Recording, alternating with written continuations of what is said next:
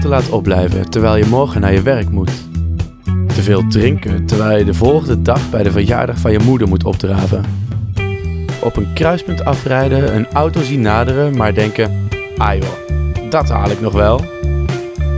Het zijn dingen die je beter kunt laten, maar het voelt soms zo goed dat stemmetje in je hoofd het zwijgen op te leggen. Welkom, je luistert naar Radio Dakhaas. Deze podcast is het auditieve zusje van het papieren tijdschrift De Dakhaas. Ik ben Stijn Verkammen. Elke maand vertellen wij jullie verhalen uit Utrecht en in deze aflevering gaat het over dingen waarvan je denkt, maar dat mag niet. In Utrecht woont een man die zich dag in dag uit bezighoudt met dingen die niet mogen. Hij kan heel slecht tegen onrecht en spreekt zichzelf daarover uit. Bijvoorbeeld als mensen gediscrimineerd, mishandeld of onterecht opgesloten worden. Ik sprak hem op zijn kantoor in een grachtenpand in Amsterdam. Mijn naam is Eduard Nazarski. Ik ben directeur bij Amnesty International in Nederland en ik woon in Utrecht. En wat, uh, wat doet u als directeur van Amnesty? Ja, dat is een hele goede vraag. Um, de, ik denk als je hier zo rondlopen dat mensen daar verschillende antwoorden over hebben. Want wat je echt doet is lezen, mailen, praten, bellen. Um, maar wat je daarmee bedoelt of wat je wilt bereiken is natuurlijk dat de organisatie op de onderwerpen die voor ons echt belangrijk zijn met mensenrechten, dat je daar goed presteert als organisatie. Dus je probeert mee te denken op de inhoud, op de campagnes, maar ook natuurlijk ook zorgen dat we de goede mensen op de juiste plekken hebben. Ik heb uh, voor Amnesty gewerkt uh, voor vluchtelingenwerk, of bij vluchtelingenwerk. Uh, dus ik heb wel veel ervaring met vluchtelingen en vluchtelingenbeleid. Wat mij eigenlijk het meeste raakt is onverschilligheid. En je ziet soms in, in een soort achterloze vreedheid van, van hoe, hoe het in gevangenissen toegaat, mogen wij toch, ja, met alle kritiek die je op Nederland kunt hebben, maar toch echt een prachtig land, hoe mensen zich dan ja, onverschillig kunnen houden en dan denken van, well, ja, of nou de kat of de hond wordt. Of, uh, uh, en dat raakt bij meeste ook bij overheidsfunctionarissen die zich bijvoorbeeld over Saudi-Arabië achter allerlei dingen verschuilen om maar niet publiekelijk toe te zeggen dat het daar echt gewoon heel erg slecht gesteld is met mensenrechten. Uh, het thema van, uh, van de dakhaas is dat mag niet. En vandaar dat ik hier ook aan tafel zit. Ja. Omdat u bezig bent met heel veel dingen die, uh, die niet mogen. Althans met het bestrijden daarvan. met het bestrijden daarvan, ja precies. Ja. En wat ik me nou afvraag, wordt het daar niet ontzettend moedeloos van?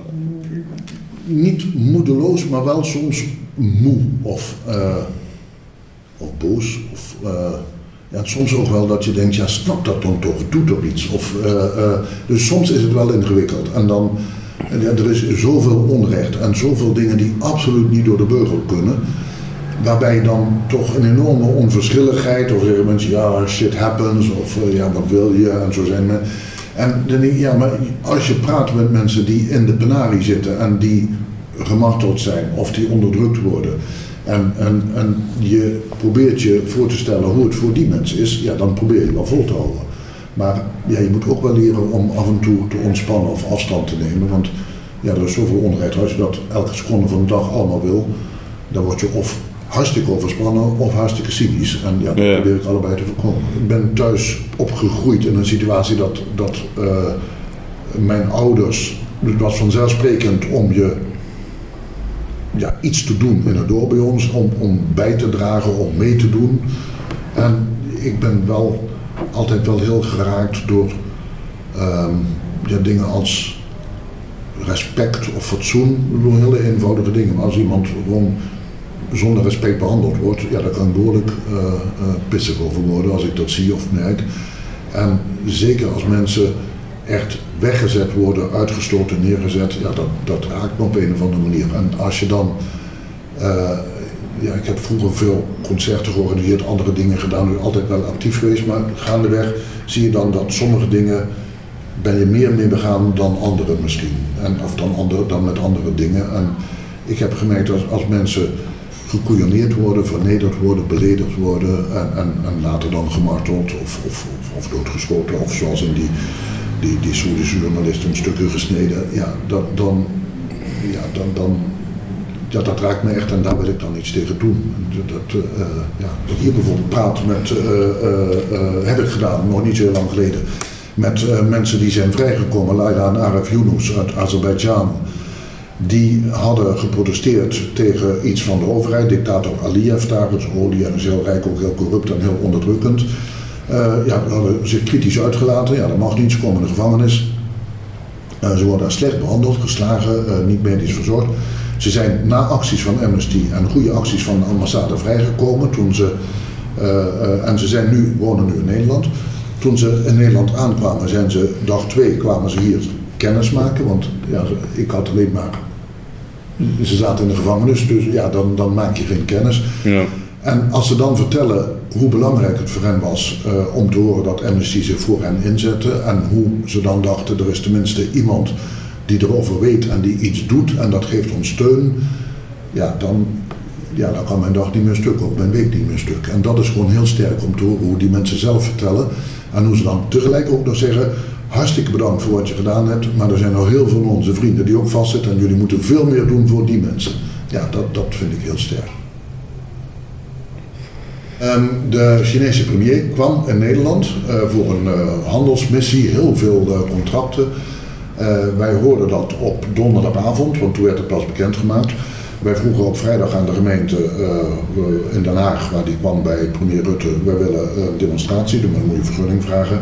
En de gemeente zei toen, ja er zijn al demonstranten, uh, dus dat kan niet meer. En je kunt ja, ergens ver weg gaan staan. Toen zeiden we, ja, daar hebben we geen zin in, want ja, we demonstreren dat we zichtbaar zijn. En toen hebben we besloten dat we een eenmansprotest zouden doen, want dat mag altijd. En ja, toen dacht ik, uh, laat ik dat zelf maar doen. en hoe ging dat dan? Nou ja, dat ging op zich wel goed, vond ik. Hoe stond u erbij? Had u een bord in uw hand? Of ik had een bord in mijn hand en een bord van... Er zijn een miljoen mensen in China in heropvoedingskampen. Als je bijvoorbeeld een, een, een abnormale baard hebt... of je hebt een, een boek in een taal van een minderheid daar... of je bent moslim, dan kun je als radicaal of extremist beschoten worden, dan kom je in een heropvoedingskamp. Dan gaan ze net zo lang met je praten tot je zegt, oké, ik zal me gedragen en ik zal geen afwijkende mening meer hebben, et cetera. We hebben gezegd, die mensen in die heropvoedingskampen, die moeten eruit. En op zijn minst, als ze iets crimineels hebben gedaan, nou, dan moeten ze gewoon beschuldigen en voor de rechter brengen. Anders, ja, die moeten uit die kampen. Uh, dat stond uh, op twee borden, 1 miljoen mensen verdwenen. En waar zijn ze? En op een ander stond, uh, laat die mensen vrij. Nou ja, ik ben heel gewoon heel bij het torentje van Rutte gaan staan. Er was ook een, demonstratie van mensen die voor de Chinese regering demonstreerden en zeiden alles gaat hier prachtig en fijn dat onze premier hier is. Die vonden het vervelend dat ik daar stond, maar ja, daar ga ik verder ook niks aan doen. Oh, dus u, u, stond in uw eentje tegenover een, uh, een groep betogers? Ja maar, ja, maar, ja, maar niet tegenover. En ja, zij vonden het niet fijn dat ik daar stond, maar ja, uh, ik heb maar gezegd van ja, dit is vrijheid van meningsuiting in Nederland en ik wil jullie ook niet wegjagen hier, je mag hier best staan voor mij, maar ik blijf hier wel staan aan mijn woord. En is dat effectief, zo'n activistische daad? Kijk, ik denk niet dat, dat, uh, dat Rutte daardoor denkt, oh verdorie, daar staat Nazarski, dus dan moet ik eens zorgen dat ik, uh, dat ik eens even uh, van leer trek over mensenrechten. Maar het is wel effectief in die zin dat wij onze boodschap laten horen. En dat ook de ministers die aanschuiven, Ollengren bijvoorbeeld, die kwam voorbij. En ja, die zegt er nog, ja. En, en nou ja, dat is wel effectief. En in elk geval willen wij onze stem en onze boodschap laten horen. En niet denken, nou ja, die Chinezen staan er al en dan doen we maar even niks. Het was ook effectief, en dat was heel mooi om te merken, voor een flink aantal Oeigoeren die daar stonden. Dus die provincie waar die yeah. wonen, die is echt een soort proefgebied voor ultieme bewaking en een, een Big Brother staat. En ja, die komen echt naar je toe en die zeggen fantastisch dat u hier staat en dat jullie voor ons opkomen en voor onze familieleden. Want er zijn mensen bij, die hebben dus daar mensen wonen die nu in zo'n kamp zitten. En die durven niet te vragen waar zitten ze precies, omdat ze denken dat ze dan nog meer moeilijkheden krijgen. Dat is natuurlijk echt idioot.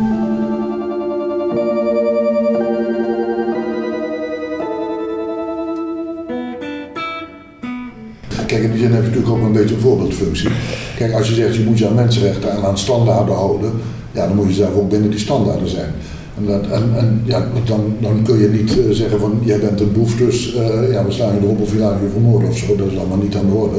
Wij proberen met bezorgde, betrokken, verontwaardigde burgers, proberen wij sterk te staan en een, een, een, een zaak te maken, een, een, een onderwerp of een persoon op de agenda te zetten en zeggen hier moet iets gebeuren nu. Heeft u zelf ook een voorbeeldfunctie in uw uh, persoonlijke leven? Ja, als je dat... Uh, voelt dat zo? zo als je vragen zou misschien zeggen, nou dat valt wel mee. maar uh, ja, dat voelt wel zo. Kijk, ja, kijk ik, ja, ik ga hier niet zeggen, ik kan hier niet zeggen als ik dat al zou willen, ik zie niet meer zitten. Of ik heb vandaag geen zin in, in uh, onrecht bestrijden. Of je moet wel proberen om, om te blijven denken. Bedoel, als je echt een keer doodmoe bent of zo, dan zeg je gewoon jongens, uh, ik ben doodmoe en ik blijf in bed. Of ik ga een boekje lezen en ik kom morgen weer. Maar komt gelukkig niet heel vaak voor. Maar je hebt wel een voorbeeldfunctie. Je moet wel proberen voorop te lopen en iets van enthousiasme uit te stralen. Kijk, als ik het ja, als ik al denk van nou ja, het is nu vijf uur en ik heb het al gehad vandaag.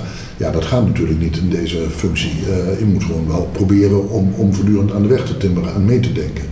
En ook wel een voorbeeldfunctie om, hoe moet ik het zeggen, om, om te proberen om ook nieuwe wegen in te slaan. Probeer heel creatief te zijn, in die zin zijn er geen grenzen. En bijvoorbeeld toen Poetin een paar jaar geleden in Nederland kwam, hadden wij de omgeving waar die kwam, hadden we afgezet met geel-zwarte linten van de politielinten. En hij zegt, nou, er komt een vriend staatshoofd op bezoek. Dus achter deze linten liever geen homo's, of liever geen onafhankelijke advocaten, of liever geen uh, punkbandjes zoals Pussy Riot. En we hadden er ook voor gezorgd dat waar hij stopte met toen nog koningin Beatrix, uh, dat daar een spandoek of een bord van 6 bij 4 meter stond met zo'n tekst. Dus hij stapte uit en hij moest dat bord wel zien. Nou, dat is dan helemaal op alle nieuwsmedia die dag en overal. Ja, dat soort creativiteit, weet je wel, dat je niet zegt Poetin, uh, hou je aan mensenrechten, maar dat je een beetje omdraait en een beetje de spot meedrijft. Mijn Russische collega's en andere organisaties, die hebben ze echt te barsten gelachen. En die zeiden, dat is nou precies wat, wat wij heel erg mooi vinden, dat je een beetje de spot met hem drijft. Dat, dat lukt natuurlijk niet altijd.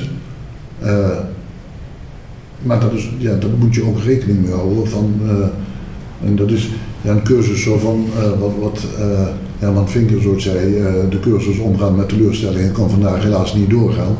Maar als je bij Amnesty denkt, heb je natuurlijk wel een soort live cursus omgaan met teleurstellingen. Want soms denk je dat dingen vanzelfsprekend zijn en moeten lukken en dan krijg je toch een muur van bureaucratie en van ja, protocol en regels en allemaal gedoe. En je denkt, ja, regels, regels, het gaat om die mensen. en, en handelsbelangen afwegen tegen mensenrechten. Soms lukt het niet, uh, maar daar moet je rekening mee houden. En je, moet, je energie komt van die dingen die wel lukken. Uh, en die moeten af en toe ook, daarom zeg ik ook, kleinere successen moet je ook even bij stilstaan. Wereldvrede gaat ons niet lukken deze week.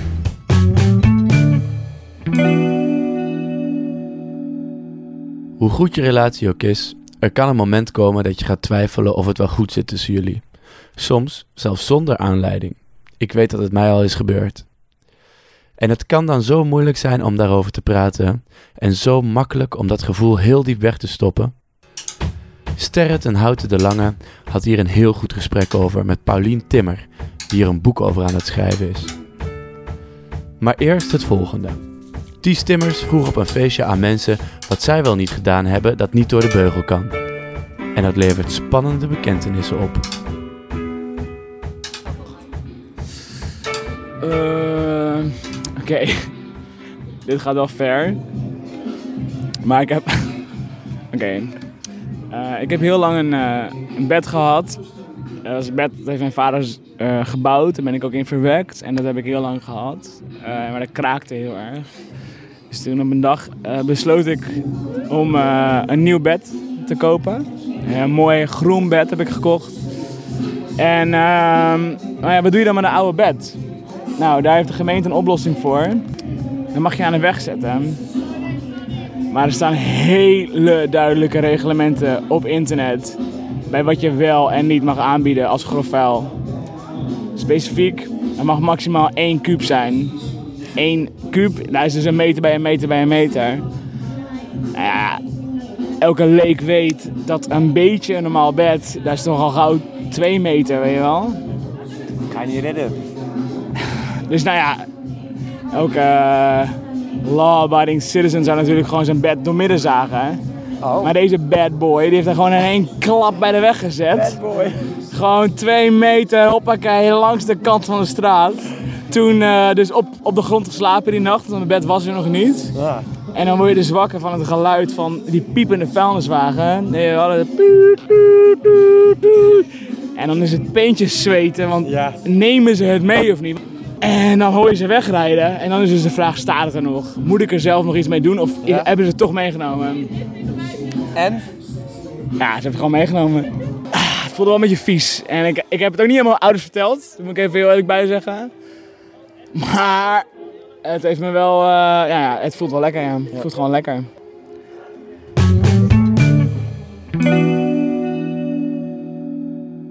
Ik schrijf een boek over twijfelen in je relatie.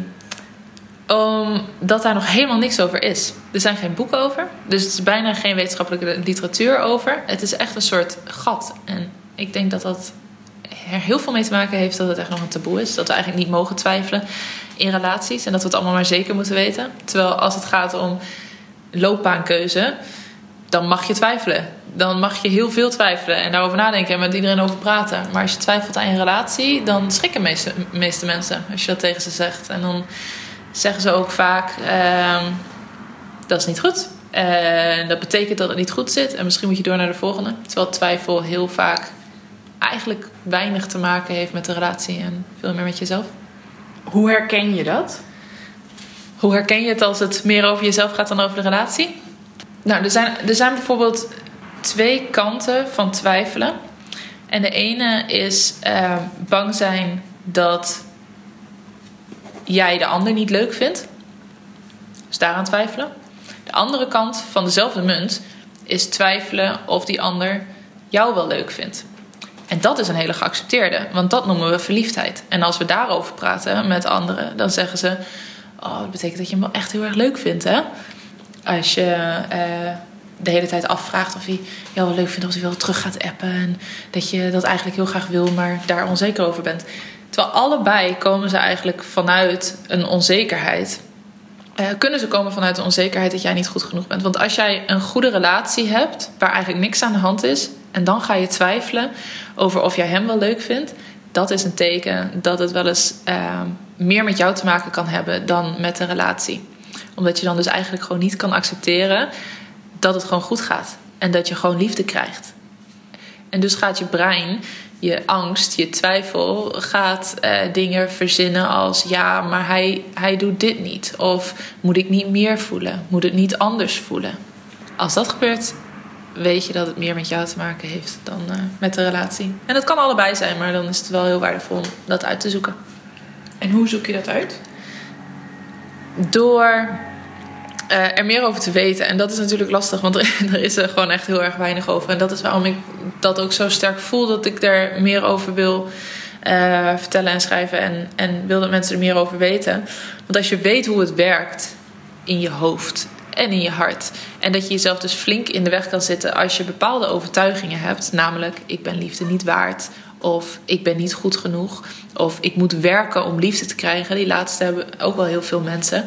Als je dan dus gewoon liefde krijgt, zonder dat jij het gevoel hebt dat je daarvoor werkt, dan voelt dat super onveilig. Dus die gevoelens echt onderzoeken. Van is dit nou. Het is heel makkelijk om ze af te schuiven op die ander. Ik vind die ander niet leuk. Maar onderzoek ze echt. Kom- Komt het echt daar vandaan? Of ben je gewoon bang? Ben je gewoon bang om dit te accepteren? Strookt het ergens niet met de overtuigingen die je over jezelf hebt? Kun je echt zeggen dat je van jezelf houdt? Dat je liefde waard bent? Zonder dat je daar ook maar iets voor doet. Gewoon precies zoals je nu bent. En zijn we dan allemaal liefde waard? Ja. Iedereen is liefde waard, want iedereen is in de kern liefde. Klinkt heel christelijk. Ik denk dat het de kern is van heel veel eh, religies over de hele wereld. En ik denk dat dat een universele waarheid is. Ik zie het niet als iets christelijks. Hoe herken je het als het daadwerkelijk gaat over een gebrek aan liefde in je relatie? Je zegt vaak als mensen twijfelen, eh, gaat het eigenlijk over. Als ze twijfelen over of ze een partner eh, leuk genoeg vinden om er een relatie mee te hebben, dan gaat het eigenlijk. Gaat het vaak eigenlijk over hunzelf. En over dat ze een overtuiging hebben die hun relatie saboteert. Maar soms kan ik me voorstellen dat het ook daadwerkelijk gaat over die relatie. Ja. dat kan. En daar is geen vaste formule voor om daarachter te komen wat dat is. Uh, en dat is waarom het zo ontzettend belangrijk is om uh, eigenlijk in contact te staan met je intuïtie en goed naar je intuïtie te kunnen luisteren. Maar het lastige is dat dus die overtuigingen heel veel invloed hebben op hoe goed jij kan luisteren naar je intuïtie. Want als jij heel veel angst hebt, dan is dat als een soort van laag die over je intuïtie heen ligt, waardoor je veel moeilijker bij je intuïtie kan komen. Dus hoe je daar meer bij kan komen is door die angsten los te laten en door die overtuigingen los te laten en uh, overtuigingen aan te nemen uh, die wel in lijn liggen met gewoon liefde kunnen ontvangen. Als je weet dat dat goed zit, uh, als je die overtuigingen hebt en je, je hebt geleerd om meer naar je intuïtie te luisteren, dan wordt het op een gegeven moment heel erg duidelijk waar het aan ligt. Of, het, of deze relatie gewoon niet meer de relatie is voor jou op dit moment. Um, of dat het uh, een uitnodiging is om, uh, om echt meer liefde te gaan ontvangen. En um, dit boek baseer je ook heel erg op je eigen verhaal. Ja. Hoe was voor jou die omslag? Van ik ben geen liefde waard naar wow, deze liefde ga ik even allemaal ontvangen. nou, dat is wel een proces van jaren. ja, en dat, dat had er ook heel erg mee te maken dat ik gewoon niet wist hoe twijfel werkt. En um, uh, dat het zo kan werken. Ik denk als ik dat had geweten, was het veel sneller gegaan. Ik denk dat ik vroeger veel meer uh, een soort perfect beeld in mijn hoofd had. En dan de hele tijd dat aan het vergelijken was met wat er op dit moment aan het gebeuren was. En nu. Zoals wat? Uh, nou, ik vond bijvoorbeeld dat we ruzie moesten hebben. Want dan had je ook passie. Dus dat was heel belangrijk. Maar nu weet ik dat je ook passie kan hebben zonder ruzie te hebben. Uh, dus ik keek niet naar wat er was en, en liet dat groeien. Maar ik uh, was echt heel erg bezig met hoe ik dacht dat het moest zijn. En dan vooral wat er, wat er miste. En ik denk dat, dat ik daar zeker niet de enige in ben. Maar het moment dat ik het door had, zag ik hoe ontzettend veel meer potentie er ook nog in de relatie zat. Weet je wel? Dat het niet allemaal direct duidelijk hoeft te zijn, maar dat het ook gewoon kan, uh, kan groeien en kan blijven groeien. Uh, en dat is oneindig interessant.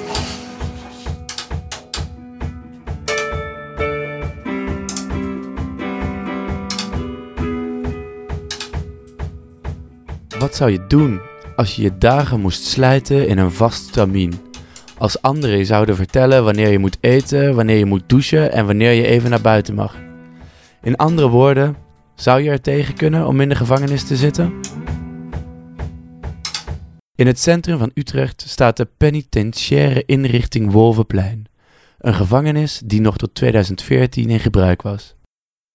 Bij de oprichting in 1856 geloofde men dat criminaliteit besmettelijk was en dat mensen dus vooral in cellen opgesloten moesten worden zonder dat ze contact met elkaar hadden. We luisteren naar een hoorspel van Judith Hellemons over rebellie in de vrouwenvleugel van gevangenis Wolvenplein. Dit verhaal speelt zich af in 1856 in de vrouwenvleugel van de gevangenis aan het Wolvenplein. Wat uitdrukkelijk niet mocht in de gevangenis? Communiceren, op wat voor manier dan ook. Non de. Op mijn 58ste moet ik nog het gevangen in. Terwijl ik maar een klein ruzietje had met de buurvrouw. Ja, ja, Kaatje. Vier dagen eenzame opsluiting. En alleen maar omdat ik Johanna een paar klappen verkocht. Of zoals de rechtbank het zo chic noemt. Het moedwillig toebrengen van slagen. Gelukkig is het maar vier dagen. Maar Kaatje was niet de enige die in de cel moest. Elisabeth Berendina Cubus was ook de klos. Met haar 13 jaar oud was zij de jongste vrouwelijke gevangene op dit moment. Berendina was geboren en opgegroeid in Utrecht en werkte als dienstmeisje. Tijdens haar werk had ze een paar oorbellen gepikt van de vrouw des huizes. Ze werd veroordeeld tot zes weken eenzame opsluiting. Het lot zorgde ervoor dat Kaatje helemaal bovenin de vrouwenvleugel werd opgesloten. Als ze haar best deed, kon ze, ondanks haar 1,56 meter, net door het raampje kijken en zag ze de singel. Berendina zat in de cel onder haar. Ondanks de regel dat gevangenen geen contact mochten hebben met elkaar, werd er toch het een en ander geprobeerd. Deze vrouwen werden niet tegengehouden door loeizware deuren en dikke muren. Want tegen het vallen van de avond. Wat is dat nu? Dat is niet het gekraak wat ik normaal hoor. Is dit nou iemand die aan het tikken is op iets? Kaatje keek haar cel rond. Non de ju. Iemand tikt op de buizen. Waarom hoor ik nou niks terug? Zou er boven of onder mij niemand in de cel zitten? Ik voel me zo alleen. Ik zou willen dat ik terug mocht naar mama.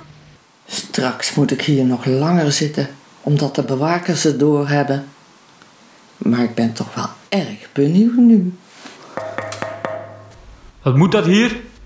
Ai, dames. De strengste bewaker liep net langs Kaatjes cel. Kaatje zweeg en de bewaker liep langzaam weg.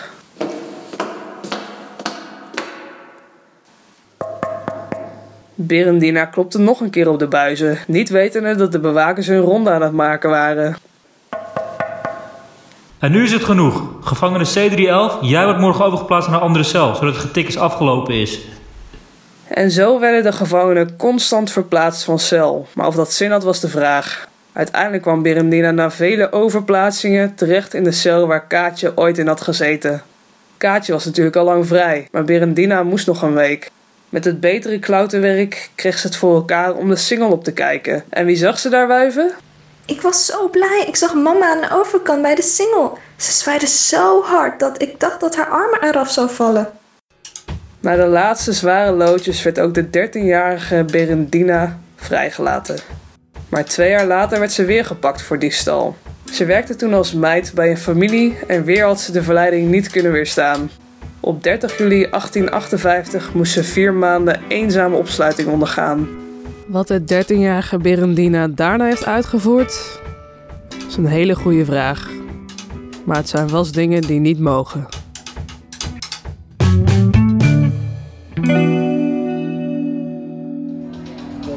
En jij bent voor lijfstraffen. ja, eigenlijk wel. Dat zouden meer mensen moeten doen. Nee.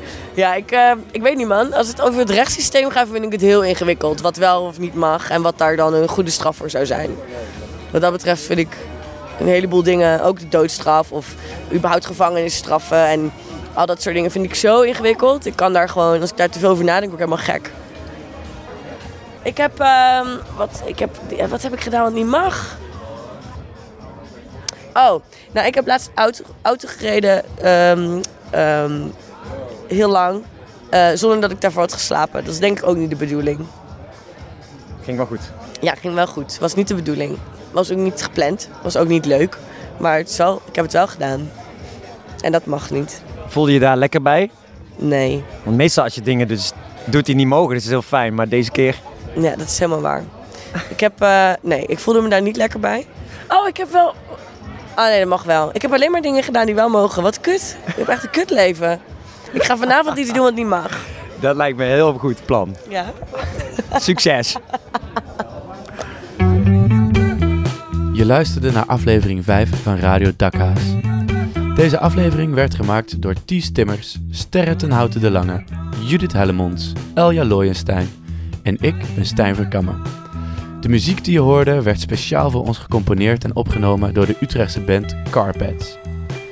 Je kunt onze podcast vinden op Spotify, Soundcloud, iTunes Store, Stitcher, Podcast Addict en de meeste andere podcast apps. Volgende maand zijn we er weer en dan met een nieuw thema. Wat een feest! Was je nou aan het luisteren en dacht je, hey, dit lijkt me leuk om te doen? Stuur ons dan een berichtje via sociale media of mail naar info.dakhaas.nl. En ja, je kan ook ons volgen op Instagram en Facebook. Doei!